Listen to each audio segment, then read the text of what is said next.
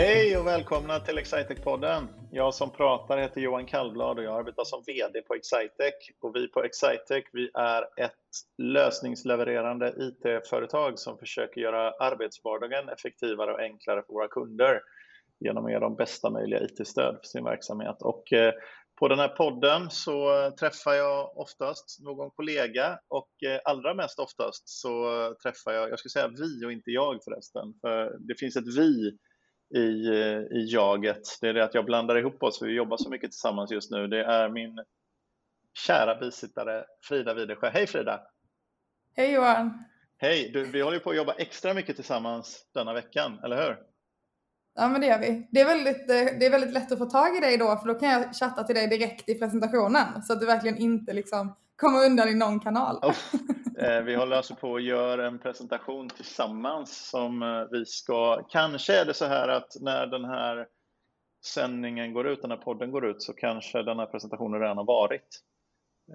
Nej men det har den faktiskt inte utan för den här podden släpps ju på torsdag morgon klockan åtta och det vi håller på att förbereda är B2B-dagen som är på torsdag klockan 10. Det, oh, det är eh. massor med tid emellan. Så folk som börjar lyssna på den här, de som hänger på låset och laddar ner direkt ja. liksom, och tar, plockar den här, de kommer, de kommer då, då kommer de säga som så call to action här att men, vad intressant så Johan och Frida håller på att göra en presentation tillsammans om B2B-dagen och den börjar bara om någon timme, jag släpper allt. Hur gör man om man ska anmäla sig till B2B-dagen då? Ja, men då går man in på www.excitec.se b2b-dagen.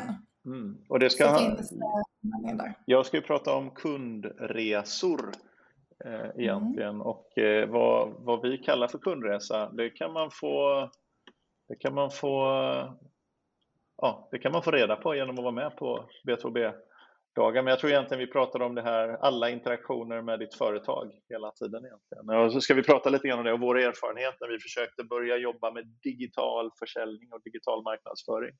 Och, och hur det blev. Så det ska bli intressant. Men du, vad gör, om, om den här nu, om man då inte hinner, om man inte hänger på låset och inte hinner eh, lyssna på den här direkt, eh, eller vara med på det här seminariet, hur ska man göra då? Kommer det gå att ladda ner den i efterhand eller hur, eller finns det på Youtube eller ja, är det if you, if you snooze you lose? Ja men eh, kanske. Vi får väl se. just nu har jag fullt fokus fram till klockan 14.15 på torsdag. Sen så vad som händer efter det får vi se då. Mm. Eh, men det är väl möjligt. Man får väl höra av sig till oss helt enkelt om man känner att man absolut vill se det i efterhand. Men just nu är det just News Lose. Mm, men, men eh, okej, okay, så vi är lite fokade på det, men vi passar ändå på att göra en podd och podden handlar inte om B2B-dagen egentligen, utan den ska ju handla om en kollega till oss, eller hur? Det stämmer. Det stämmer. Välkommen Linnea Molin. Tack så mycket. Hej. Hej, Hej Linnea, välkommen till Excitec-podden. Tack så mycket för att jag får vara med. Har, har du lyssnat något på Excitec-podden innan? Ja, det har jag gjort. Jag har hört mina kollegor Precis. För vi har ju haft eh, konsultprogrammet Fokus nu hela, nästan hela det här året än så länge och eh, du, precis som många av de andra gästerna, har ju varit i konsultprogrammet.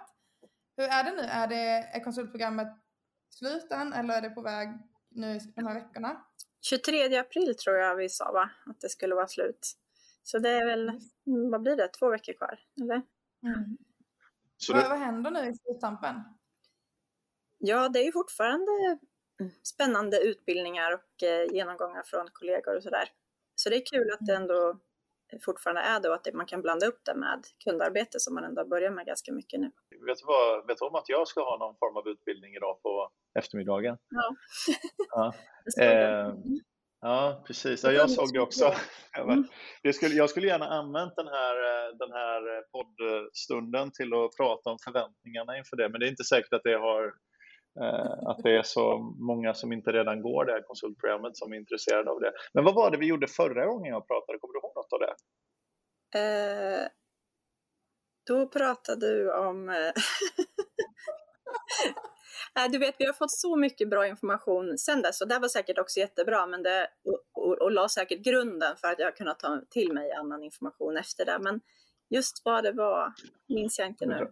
Det innebär, det som jag precis fick svar på var ifall någon kommer märka ifall jag bara kör samma utbildning en gång till. Och då är, svaret är att det kan jag göra helt lugnt. Det är bra Gud, du har lyft en stor... Du, repetition är kunskapens moder. Du har lyft en mm. sten från mitt eh, hjärta här. Jag blev eh, väldigt glad över det. Mm. Eh, Linnea, eh, välkommen till Excitec-podden som sagt. Vad, eh, vad pysslar du med på Excitec? Eh, ja, det, eh, just det, tanken är ju att jag ska vara Vismanet-konsult. Så jag håller på att lära mig Vismanet eh, som är ett nytt system för mig. Jag har ju haft lite att göra med Visma Business tidigare, men eh, Vismanet är nytt, så det är roligt. Eh, så det är väl tanken att jag ska ägna mig åt det. Vad, vad gjorde du för eh, för eh, Visma Business. Alltså det här, Vismas affärs... Det är inte säkert att alla som lyssnar på det här vet skillnaden på Vismas olika affärssystem. Men uh, vi har då, men det, du vet ju du förresten, mm. när du har läst båda. Vad är, vad är skillnaden? På, vad är det här för några två affärssystem och vad är skillnaden och varför har du jobbat med? Jo, precis. Jag har jobbat som Visma Business konsult för säkert tio år sedan. Uh, så det var det systemet som jag kände igen lite grann. Men sen nu när jag kom i kontakt med det här, eh, ja, produkterna igen så, så är ju skillnaden då Vismanet, det är ju en målbaserad produkt. Eh, lite mer uppgraderingar sköts löpande och eh, ja, kanske lite mindre anpassningsbart om Visma Business är lättare liksom att eh, anpassa efter om man har lite specifika flöden. Eh, så att det, det är ju lite där jag den förändringen som för mig också, att man brottas med att man mer ska anpassa sig efter systemet, hur man arbetar, än att man anpassar systemet efter verksamheten som, som kunden har. Eh, sen finns det ju API på eh, Vismanet, det här molnbaserade, som gör att man ändå kan påverka vissa saker, men, men man kanske ändå ska försöka utgå från grundfunktionaliteten på ett annat sätt. Och därför blir det ja. lite andra typer av kunder också som, som passar till de här olika systemen. Jag har ju väldigt populärvetenskapliga ambitioner med det som vi gör här. Alltså passa er, Kristoffer eh, Triumf och Alex och Sigge och sådär. Va? Så jag måste ju översätta och plocka ner det här som Linnea pratade om till en mer så här bred, till mer Skavlan typ av målgrupp. Då. Och eh, då är det så att molnbaserat betyder ju egentligen inte att den är byggd av moln, utan det betyder ju att den eh, körs på någon annans dator eh, än sin egen. Och då blir ju en konsekvens av att ha sin programvara i någon delad miljö och någon annans dator, det är att man inte kan ändra på den, för då skulle man ändra så mycket.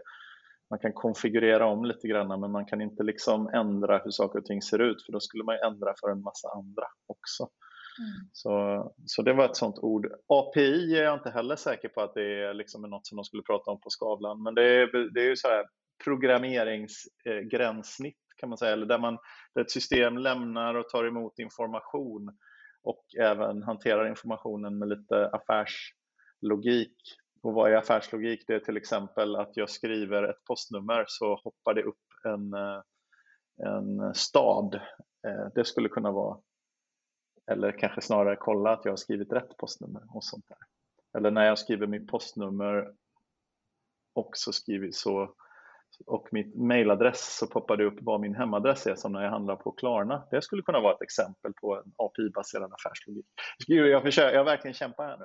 Eh, Frida, är du nöjd med mig? men alltså, det är ändå bra förklarat, för i mitt huvud så är API så stickkontakt. That's it. Ja. Så att, eh, ja, det var väl eh, ändå en rimlig förklaring att det ligger lite mer i ett API än bara en eh, mm. connector. Och det är ganska fräckt när systemen har sådana här bra API som till exempel Klarnas system då, där en e-handlare kan skicka in en mailadress och ett postnummer och få tillbaks min hemadress och ifall jag är en duglig kund och ifall jag ska få köpa på kredit och sådär. Det underlättar ju mitt köpbeslut väldigt mycket men det är ju inte så att alla e-handlare i Sverige har implementerat det här utan de använder, eller alla har, använder inte Klarna heller utan de använder då Klarnas API för att till hem, lämna någon information och ta tillbaks annan information som man nytta för att underlätta köpresan. Apropå köpresor. Men, eh, verkligen, men jag blir nyfiken på eh, det här med molnet då. För man, man har ju ofta, eh, molnet är framtiden, det är liksom det, det är det som är, det kommer att bli mer och mer i molnet.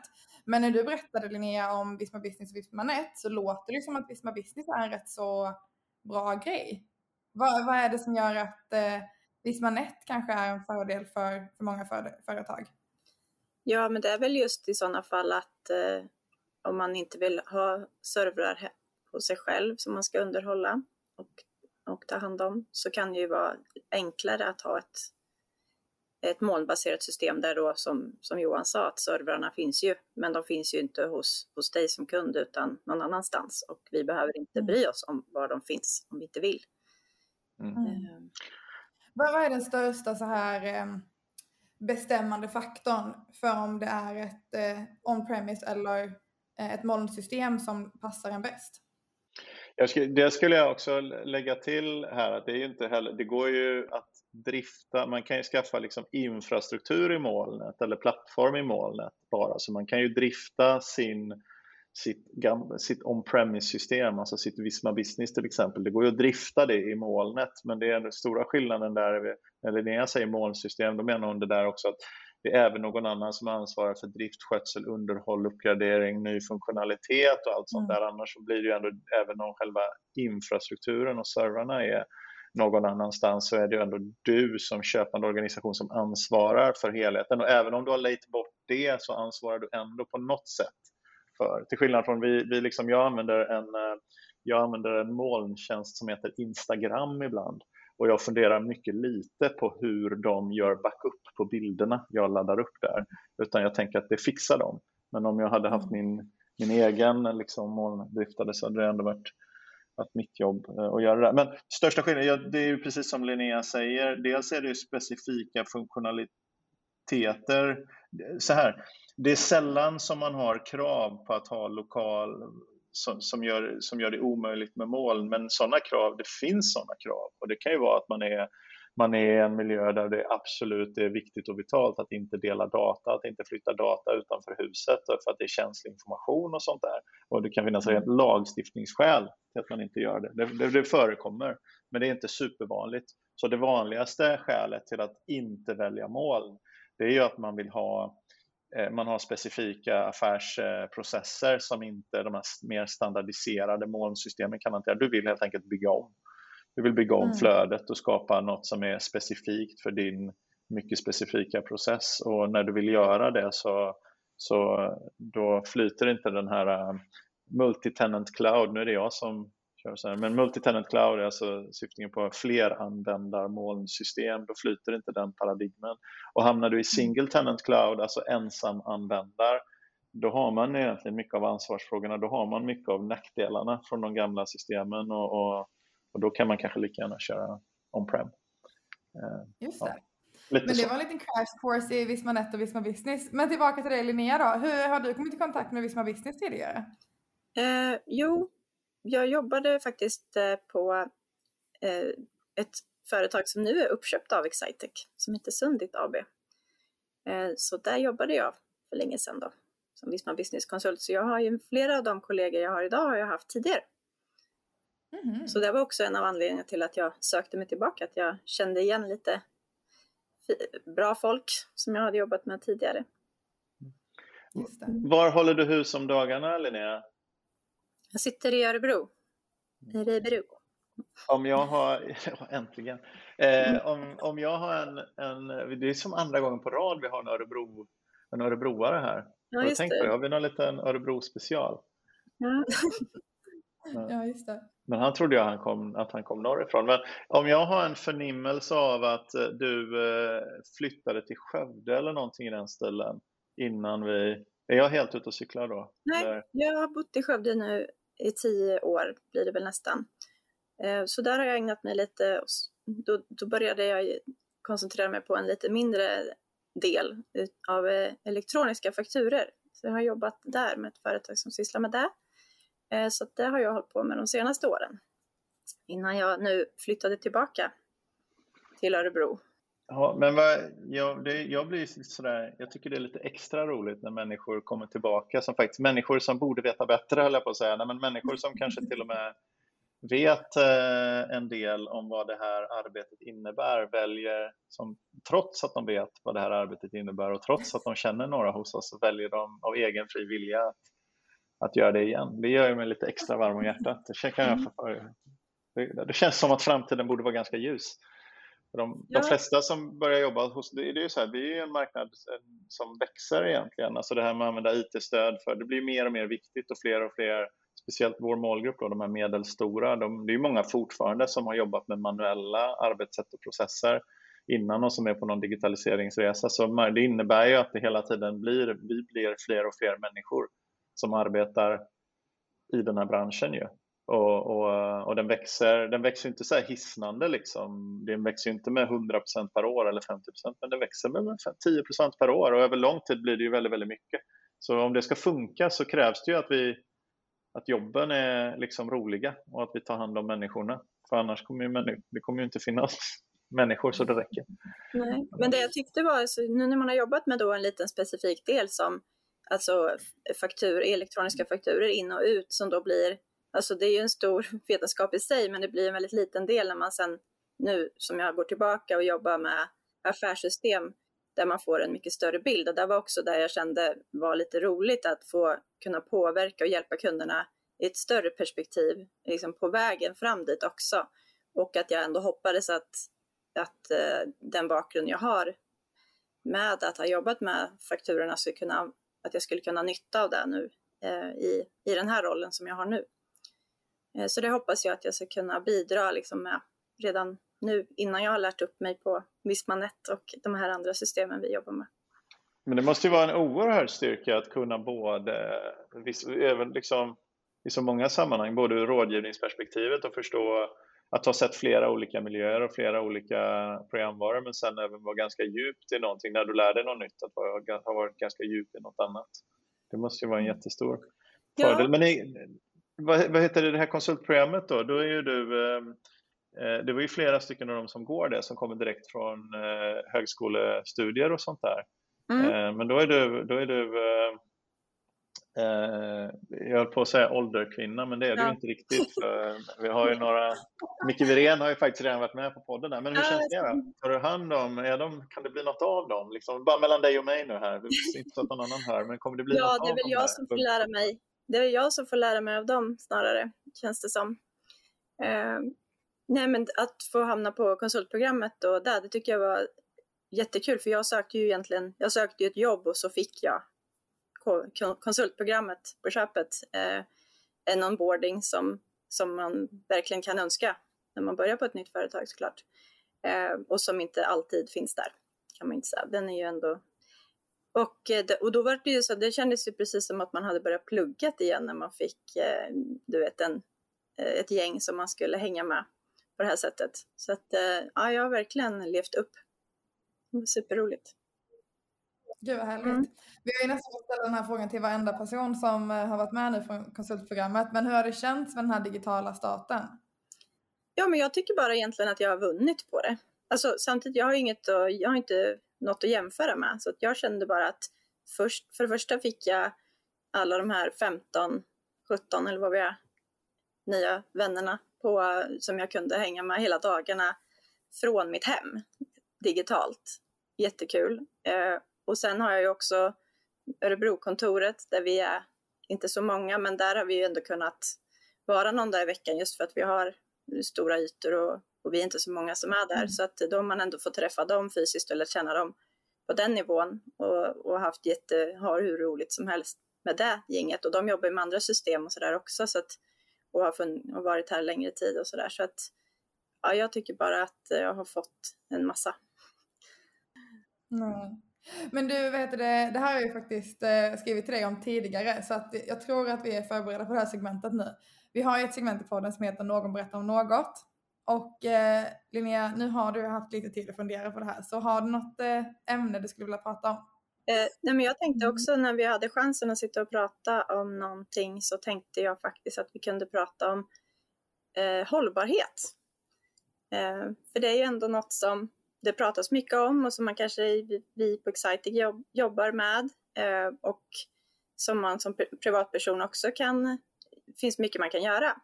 Eh, men det blir lätt att det är svårt att prata om det utan att det blir pekpinnar och man, att man inte riktigt vågar göra något för man är ju inte bra på allt. Men, eh, så jag tänkte bara berätta lite så små saker som jag försöker tänka på eh, i mitt liv eh, utifrån det håll, hållbart perspektiv.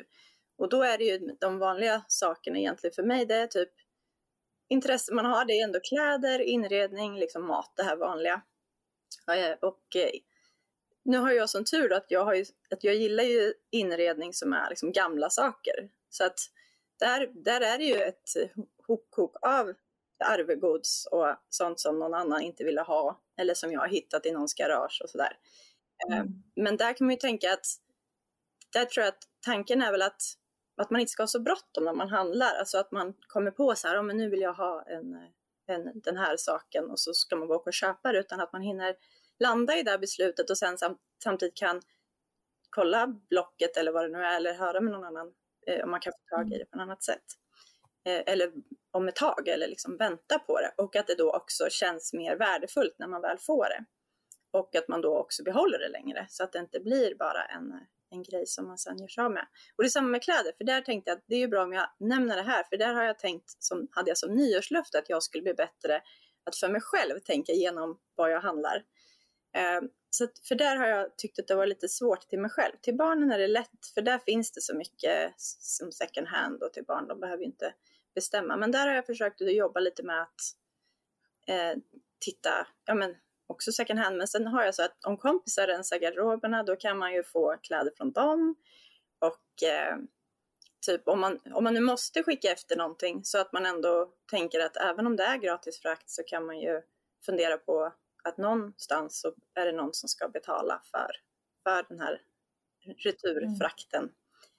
Eh, och det kan ju vara i liksom, miljön ändå. Och var man beställer saker ifrån. Att man försöker fokusera på, på kedjan och var, var grejerna finns någonstans. Och, och, och sådär. Alltså mer liksom sånt, sunt förnuft. Inget, inget liksom... Mm. Så försöker jag tänka med mat också. Att om man vet var det kommer ifrån och vad det består av så är det ju lättare att veta att jo, men det känns som att ett bra beslut att äta det här eller köpa det här. Och då finns det också Nej. mycket sådana här äh, Rekoringen heter det ställen där man kan köpa liksom, mat som direkt från gårdarna som många städer har nu för tiden. Som ni kanske har hört talas om. Eh, hur, hur tänker ja, ni? Nej, berätta mer. Jag har inte, jag har inte hört talas om Rekoringen. Nej, okej. Okay. Nej, för det, är ju, det har ju blivit ännu större nu under pandemin också, den här, just den rörelsen. Och det är ju, ofta finns det ju sådana man kan söka på Facebook och sådana grupper där, där liksom leverantörer eller sådana som odlar eller har djur och så på gårdar i närheten kan lägga ut vad de har att sälja. Och sen så kan man bara på Facebook i den här gruppen skriva vad man vill beställa och sen är, åker man till en plats på en parkering någonstans ja, någon, någon gång i veckan, en speciell dag. Så finns alla där och så kan man gå runt och, och betala hämta sina, sina varor. Så att eh, det, det är ett jättebra tips ju att kunna att handla på det sättet.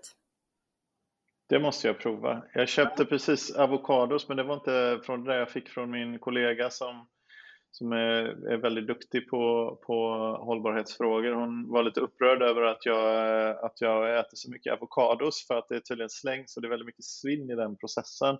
Men då hade hon mm. någonting direkt från odlare som skulle, men då måste det ju skickas på något sätt. Men hon skickade mig en länk och då har jag precis beställt det. Men det blev fyra kilo avokados då som ska komma till mig denna vecka. Vi får se om jag lyckas äta dem. Men, men eh, det är en intressant tanke. Upplever du att du köper saker av högre kvalitet när du tänker efter mer också? Ja, men så är det ju också för att eh, det blir det om man ska ha, inte handla så mycket, då är det ju väldigt bra om sakerna ändå kan hålla lite längre tid. Och då är man ju också beredd att betala lite mer för det. Ehm, mm. Det tycker jag absolut. Om man ska tänka att man ska handla nytt så är det ju kanske bättre att betala lite mer eh, vid in, när man gör inköpet än att, att man snart måste göra om det igen. Men det, det bästa det... tycker jag ändå är att man, eh, att man eh, hittar det, eller att man tar det man har eller du vet, laga, laga borde vi göra mer, mm. hur? Mm. Det borde tänkt när folk sa att det var inte många generationer, då liksom stoppar man ju strumpor. Det är ju typ, hur fort går inte en strumpa sönder idag? Det är liksom bara slänga och köpa mm. nytt hela tiden. Tråkigt ja. att det är så. Jag har ju bara ja. kommit in egentligen i skosvängen. Jag ska inte prata för mycket skor nu Frida. Här, så det, Men eh, P.O. Jonsson, eh, vår kollega som, som, eh, som har jobbat länge, som har varit med på podden någon gång också, men för väldigt länge sedan tror jag. Han, han, ehm, eh, han fick mig intresserad av eh, bra skor för många år sedan, nästan tio år sedan tror jag. Så, eh, och jag har, jag har tänkt på det, med de skorna som jag har köpt, då räknar jag inte in träningsskor då, men, men de skorna som jag har köpt sedan han fick mig intresserad av skor. Jag har inte slängt något par skor sedan dess. Det är ganska mm. intressant. Däremot har jag fått lämna in jag, för klackning flera gånger naturligtvis, ett par som jag har fått sula om då, hela sulan, men om man köper skor som är av bra kvalitet. Då är det framförallt för herrskor här. Jag, vet, jag, tror att det är mm. annorlunda för damskor. För herrskor då som görs på ett klassiskt sätt så att sulan liksom inte bara är limmad eh, utan den är liksom fastsydd sula. Då går ju det att göra, sprätta bort den och sätta på en ny och sy fast en ny sula. Då. Och jag, vet, jag, jag är osäker på om det finns någon någon gräns på livslängden om man gör det, för det är ju alltid om man har hög kvalitet på lädret så spricker inte, om man tar hand om dem hyfsat så spricker inte lädret egentligen, eller åtminstone inte på någon av de skorna som jag, som jag har köpt sen dess. Utan däremot så sulan, om det är gummisula, den slits ju ut. Men det är ganska roligt. Men jag använde det med, I början så använde jag det mer som ett sätt, som en ursäkt för mig själv och tycka att det inte var så farligt att betala så mycket för ett par skor. Så att jag, men jag tänker också att det, det, är ju vissa städer där det har kommit längre, men då har man ju typ alltså mer liksom, köpcentrum med där man har liksom mer second hand. Alltså Ikea skulle ju öppna något second hand mm. nu ja. till exempel och sen vet jag att, ja, men då, att man också kan i anslutning till det ha folk som är duktiga på, att, på hantverk, att laga saker. Det gäller ju leksaker med. Man blir tokig på att allting går sönder så lätt och så ska man liksom inte kunna använda det mer.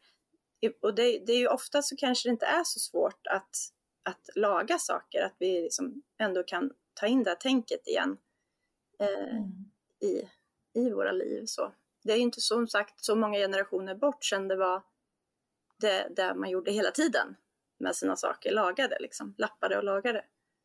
Det, det är ju mm. jättemärkligt eh, den här kort, hur kort livslängd det har blivit på mycket, speciellt kanske på mode, eh, på modesaker. Och så. Det är därför jag har vit skjorta, vit skjorta idag också. Ja, även idag har jag vit skjorta. Det är ändå enkelt för dem. Det blir inte speciellt mycket, men de håller ju länge. Skjortor, bra skjortor håller ju väldigt länge och inte så mycket mode i. Men den är, det, det är lite sorgligt med all... Eh, ja, men det är ju absolut, det är ju jätteintressant ämne. Men Johan, jag blir nyfiken på um, hur Excitec tänker. För att uh, du har ju pratat en del hållbarhet senaste tiden och vi har ju ett stort fokus på det. Mm. Vi, vi har ju haft det, det är ju en del i mitt uh, jag ska inte projicera det för mycket på mig, men lite grann. Jag hade ju, det vet ju du om Frida, jag hade ju något sånt där uppvaknande för bara ett och ett halvt eller två år sedan kanske som, jag, som handlar mycket om att ifrågasätta beteenden för, för mig eh, själv som liksom för min del kanske manifesterades i det här med att sluta äta kött som jag och det, är ingen, det här är ingen pekpinne eller hållhake, jag gjorde det för mig själv bara. För att det, så det, men men liksom jag har haft något sånt där sent uppvaknande kring, eh, kring dem. Men det är bättre med ett sent uppvaknande än inget uppvaknande, ska jag väl ändå säga som ursäkt. Ja, men det vill jag, jag skicka med att det är ju bättre att att man inte ska vara rädd för att göra någonting. Man behöver inte göra allting rätt, men om alla gör någonting så ska mm. man ju inte liksom klanka ner på det. Men jag, vi gjorde en sån här väsentlighetsanalys då för kanske ett och ett halvt år sedan eh, ungefär där vi tittade på, på vårt bolag här och tittade på vad är det, för det, det, blev så väldigt mycket jakt på CO2 och det är ju, det är ju viktigt liksom men det är inte helheten. Så tittade vi på utifrån de här 17 hållbarhetskriterierna är det väl som FN och som finns det en massa, det som jag varit fascinerad över nämligen när jag var på någon jag blev tvingad in på någon utbildning, det var inte ens mitt eget val, utan jag hamnade på någon utbildning och så fick jag det så, så, märkte jag att hur dålig jag var jämfört med de andra som var på den här utbildningen i, i, i, ehm, i, de, i de här hållbar i relation till näringslivsfrågor. Då. Så, så det var där jag började, började grotta lite. Men det var, ju, det var ju väldigt många av de här hållbarhetsperspektiven som inte bara är liksom eh, källsortera och jaga CO2, även om det, det manifesteras ju där, så det kan ju vara ganska ganska enkla saker att göra, men, men eh, när man tittar på till exempel, så vi har tänkt mycket på, i den här väsentlighetsanalysen, så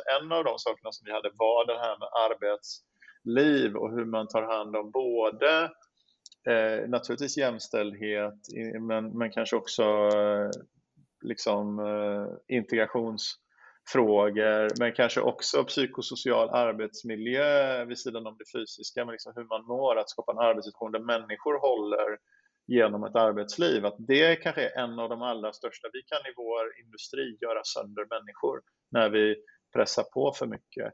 Liksom att försöka ta till sig det, det kan vara, den, det kan vara ännu viktigare än Eh, att, eh, än liksom vilka transportmedel vi använder. Så det är ett perspektiv då, hur vi gör, gör, skapar ett arbetsklimat som gör att människor håller och hur vi tar ett samhällsansvar i det. Och det är ju med i varför vi väljer till exempel att, att eh, sponsra Fanny Widmans eh, podd som du känner till Frida säkert. Och, och så där. Bara att, att välja att kanalisera sina, det är därför som vi har valt att när vi i den mån vi sponsrar elitidrott, vilket är ganska sällan, så gör vi det egentligen då tycker vi att elit är inte det viktigaste för, för oss utan vi har gillat de här eh, ja, kanske eh, de som har svårt att få det att gå ihop när Linköping, LHC spelade SM-final i, när damerna spelade SM-final i hockey och har svårt att få det att gå ihop så har vi valt att hellre betala en slant till dem som betyder väldigt, väldigt mycket där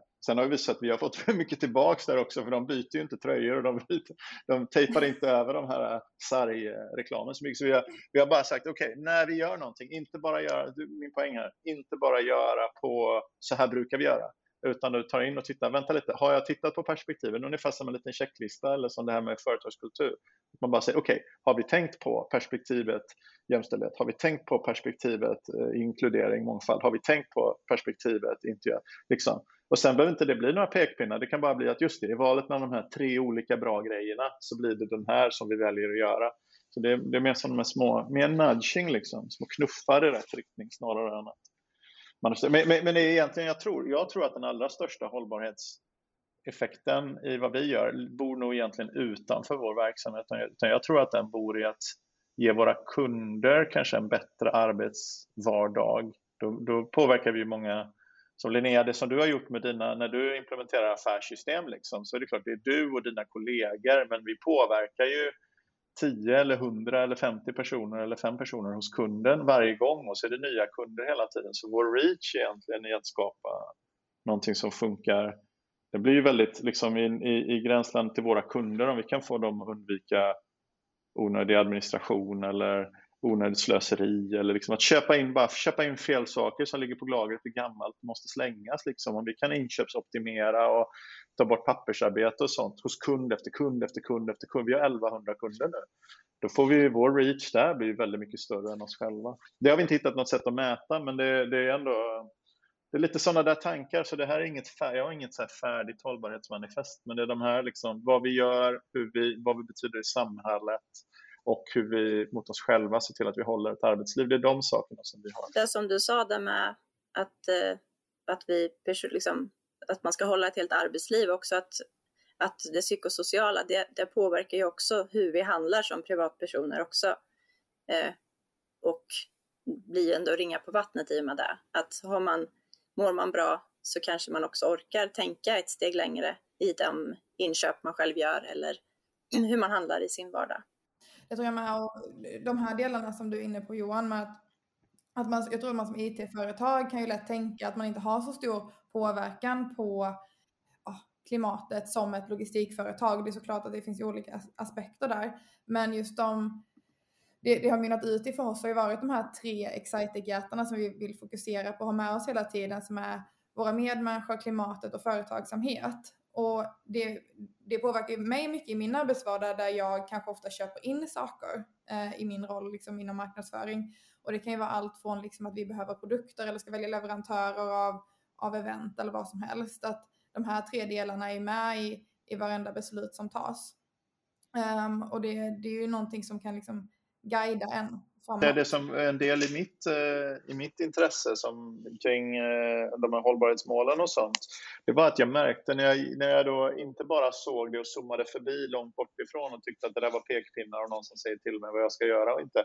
När jag dök ner i dem så visade det sig, vänta lite, det här är ju väldigt likt sunt företagande bara. Liksom. Alltså att ta, samma sak att köra, köpa grejer som håller. Men jag tänker också att man, när man handlar, handlar, beställer saker som du sa där eh, Frida, så tror jag också att ju, ju mer ifrågasättande vi blir, att man ska inte vara rädd att ändå fråga då till exempel, jaha, hur tillverkas den här och var kommer den ifrån? För det gör ju också att leverantörerna märker att deras kunder är intresserade av de här sakerna och då blir de mer tydliga och tänker efter också sina beslut. Till exempel om på restauranger och sådär som jag, om jag ska äta, då vill jag gärna veta kanske var köttet är ifrån. Eh, och eh, ibland kan det vara väldigt roligt överraskande för då kan de berätta in i detalj var de köper sitt kött och hur de här djuren har haft det. Och då, där tycker jag ju, då blir jag glad och vill äta där mer än om någon inte vet vad de liksom har köpt för kött eller liksom så. Så där skulle man ju, mm. alltså då tror jag också att får du frågan och du tycker att det är lite jobbigt att svara, ja då kanske man gör någonting åt det också. Så i och med att man bara ställer frågan så, så påverkar man. Men jag... verkligen, jag tror att precis det, det här konsumentbeteendet, att man som konsument bryr sig mer och mer om var saker kommer ifrån. Det, vi är ju fortfarande samma personer i vårt arbetsliv. Vi kommer fortfarande bry oss om samma saker och att, att ett företag bryr sig om de här aspekterna är ju också, precis som när du är på restaurang, är ju också en, en kvalitet i, i företagsamheten som eh, påverkar våra kunder. Um, och jag tycker det är jätteviktigt när jag jobbar med leverantörer att uh, vi har leverantörer som tänker på de här aspekterna. Mm. Men hörni, det här var ju uppenbarligen ett jätteintressant ämne. Uh, men tiden börjar springa iväg från oss. Så uh, Johan, om man tycker att det här skulle vara superintressant att diskutera mer med oss, vad, vad ska man göra då? Om man tycker att det här skulle vara superintressant att diskutera mer med oss, så då vet jag inte riktigt vad man ska göra. Men om man vill diskutera Eh, verksamhetsstödjande IT-system och hur man kan få sin arbetsvardag effektivare och enklare, då ska man gå in på www.excitec.se och titta på vad vi gör där. Det finns ganska många platser där man kan byta sin, eh, slänga in sin kontaktinformation eller läsa eller ladda ner ett white paper och titta på vad vi håller på med och bli inspirerad. Men eh, Frida, om man tycker att det här med, det verkar ju finnas många olika människor eh, hos oss och eh, att tänka få jobba med någon sån som Linnea, det skulle jag tycka vore härligt. Hur ska man göra då? Då går man också in på www.exciting.se men lägger till slash karriär så kommer man direkt till vår karriärsida så hittar man all information där som man kan behöva. Så med det sagt då, Linnea, tack så jättemycket för att du var med i podden. Det här var ju superintressant. Tack så jättemycket. Tack.